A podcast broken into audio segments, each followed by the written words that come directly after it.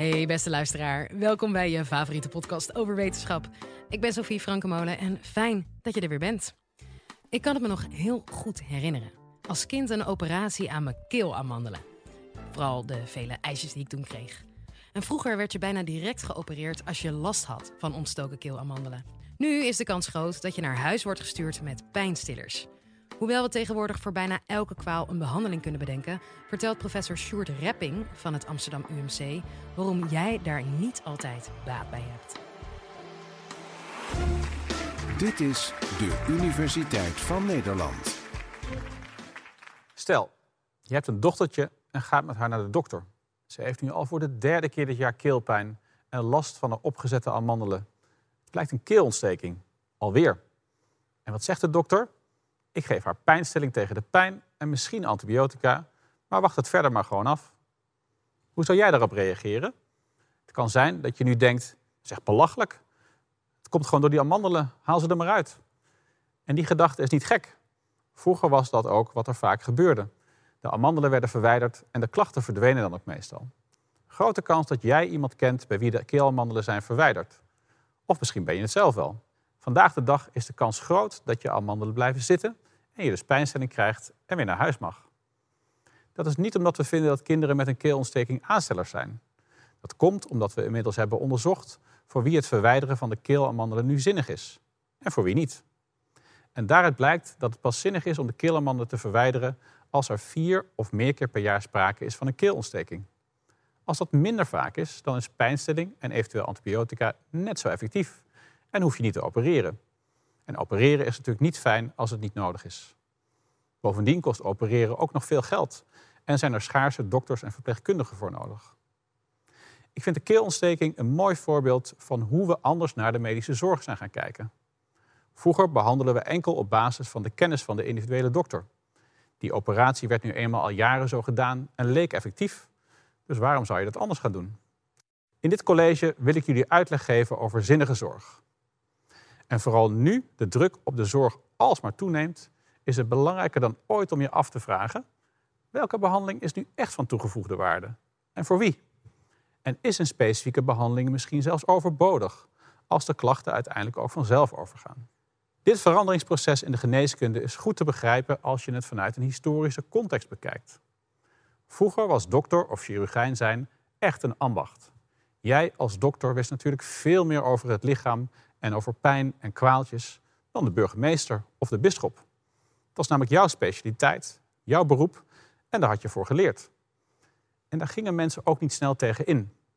Laat staan dat ze vragen stelden over het waarom van die zorg. Een klassiek voorbeeld was aderlaten. Het idee bestond al eeuwen dat je door het afnemen van een bepaalde hoeveelheid bloed de balans in het lichaam kon herstellen. En die behandeling werd voor ontzettend veel verschillende kwalen ingezet, vanuit de overtuiging dat het werkte. En natuurlijk gingen bij sommige van die patiënten de kwalen ook over.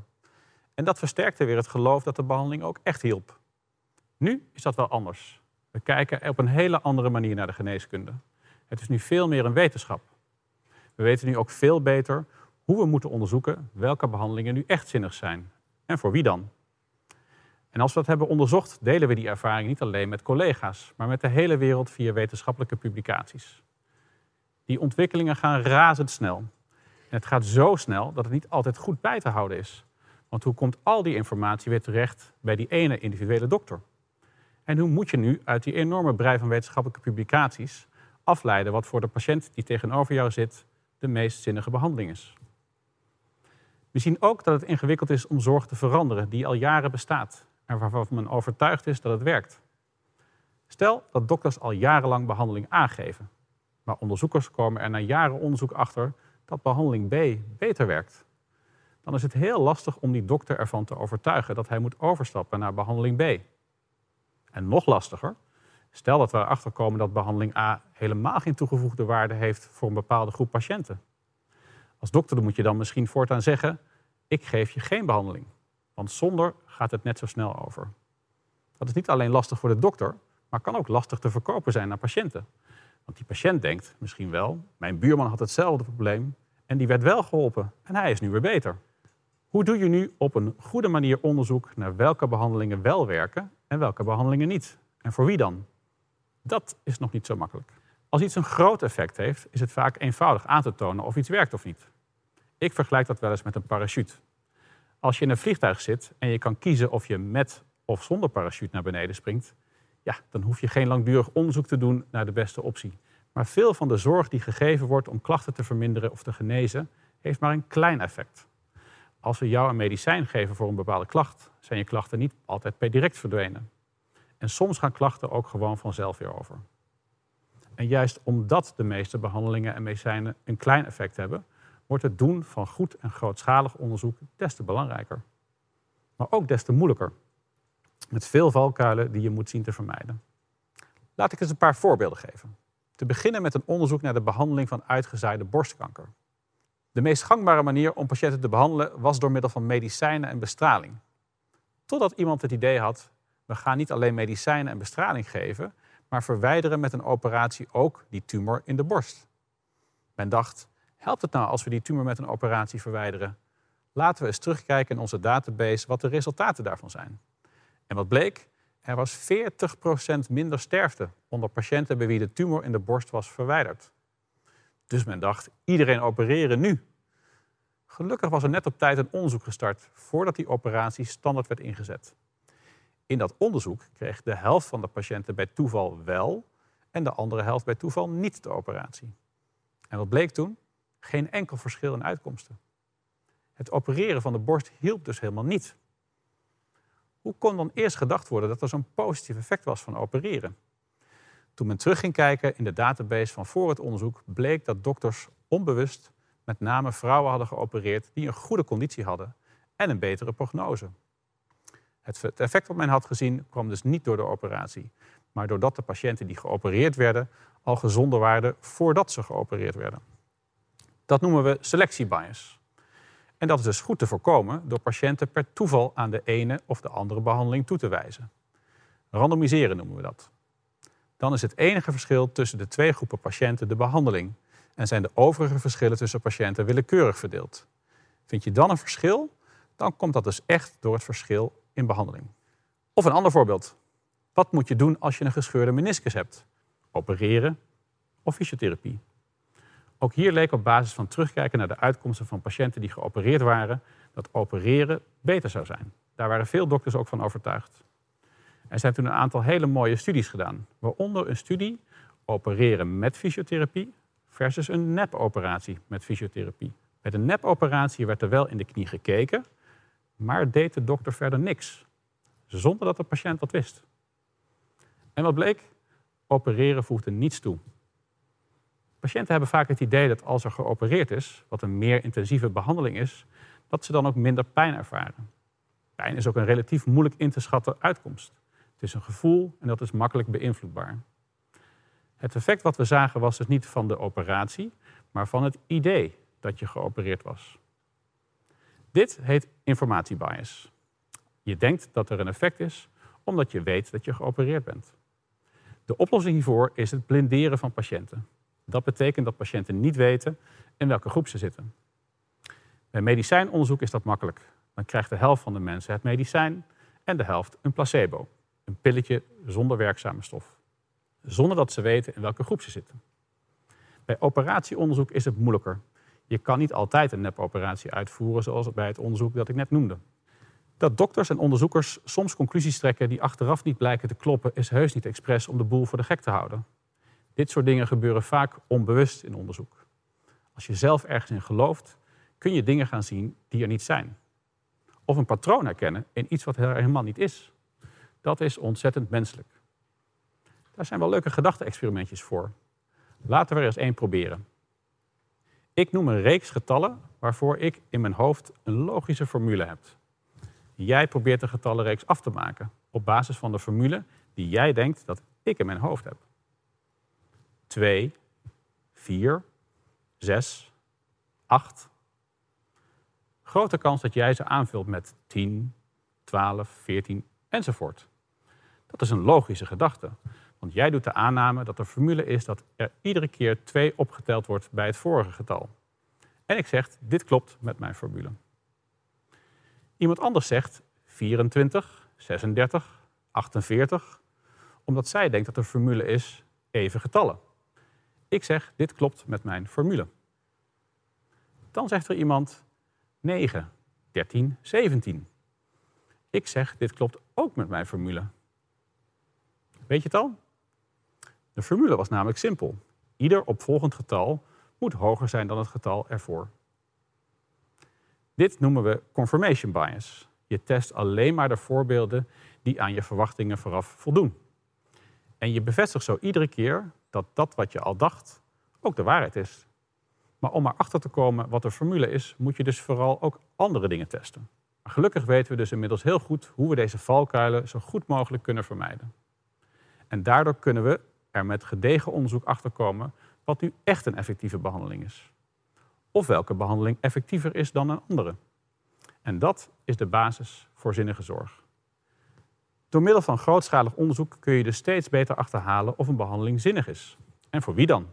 Maar zeker als je kijkt naar verschillende behandelingen, hoeft het vaak niet zo te zijn dat behandeling A per definitie beter is dan behandeling B. En dat het ook voor iedereen geldt. Vaak is het zo dat een bepaalde behandeling wel zinnig is voor een specifieke groep patiënten, maar niet voor iedereen. Of een behandeling is wel zinnig als andere behandelingen geen effect hebben gehad, maar is weer niet zinnig als eerste behandeling. En nog ingewikkelder wordt het als je gaat kijken naar behandelingen die verschillende effecten hebben op verschillende uitkomsten. Wat doe je als een behandeling een positief effect heeft voor de ene klacht, maar ook zelf weer leidt tot andere klachten? Dan is het belangrijk om heel goed samen met de patiënt te bespreken welke uitkomstmaten voor hem of voor haar het belangrijkste zijn. Stel, we weten uit een mooi en groot, goed uitgevoerd onderzoek, jullie weten inmiddels hoe belangrijk dat is, dat een zware behandeling met medicijnen voor terminale zieke patiënten leidt tot een gemiddelde verlenging van de levensduur met drie maanden. Tegelijkertijd komt uit het onderzoek dat patiënten die behandeld worden een veel slechtere kwaliteit van leven hebben in de laatste maanden. En dat is niet zo gek als je vaak naar het ziekenhuis moet en last hebt van de bijwerkingen van die medicijnen. Wat doe je dan? Patiënt A zegt dan wellicht: Doe mij die medicijnen maar niet. Ik wil thuis met een zo hoog mogelijke kwaliteit van leven eindigen.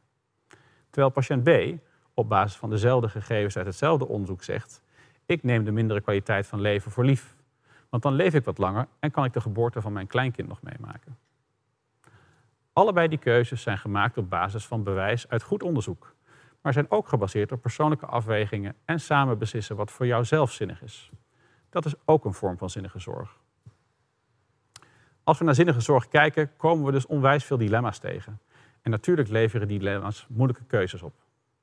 Tijdens de eerste coronagolf hebben we dat heel duidelijk gezien. Niemand wist welke behandeling zou werken voor patiënten met COVID. Het was namelijk een nieuwe ziekte waar nog geen onderzoek naar gedaan was. En er ontstonden heel veel verschillende soorten oplossingen.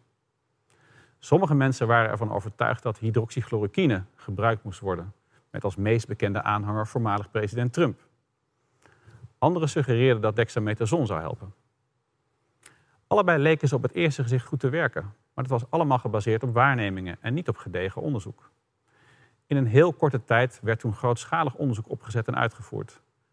En daaruit bleek dat hydroxychloroquine niet helpt en zelfs schadelijk kan zijn. Dexamethason werkt juist wel en zorgt voor een 30% afname in opname op de IC en een afname in sterfte. Dat wordt dus nu wereldwijd gebruikt en heeft ontzettend bijgedragen aan het bestrijden van de gevolgen van COVID. De urgentie om kritisch te kijken naar welke zorg nu voor wie zinnig is, is nog nooit zo hoog geweest als nu. Heel veel zorg moest worden stilgelegd door COVID en er zijn lange wachtlijsten. En er is een toenemend tekort aan zorgpersoneel en een eindige hoeveelheid geld. Juist nu moeten we heel gericht kijken welke behandelingen iets toevoegen en welke niet, zodat we de beperkte mensen en middelen zo optimaal mogelijk kunnen inzetten. Dus, om terug te komen op de vraag: waarom kan een dokter je soms beter niet behandelen? Omdat sommige behandelingen wel werken, maar niet helpen. Die keelamandelen kan je dus beter lekker laten zitten. Behalve als je echt heel vaak keelontstekingen hebt. En ook die rughernia waar jij of iemand die je kent graag van afgeholpen wil worden, gaat in 90% van de gevallen binnen 6 tot 18 weken vanzelf weer over. En de grootste conclusie is dat de enige manier om erachter te komen welke behandelingen voor welke patiënten zinvol zijn, is om ze heel nauwkeurig en nauwgezet te onderzoeken. En dat zullen we steeds meer moeten gaan doen.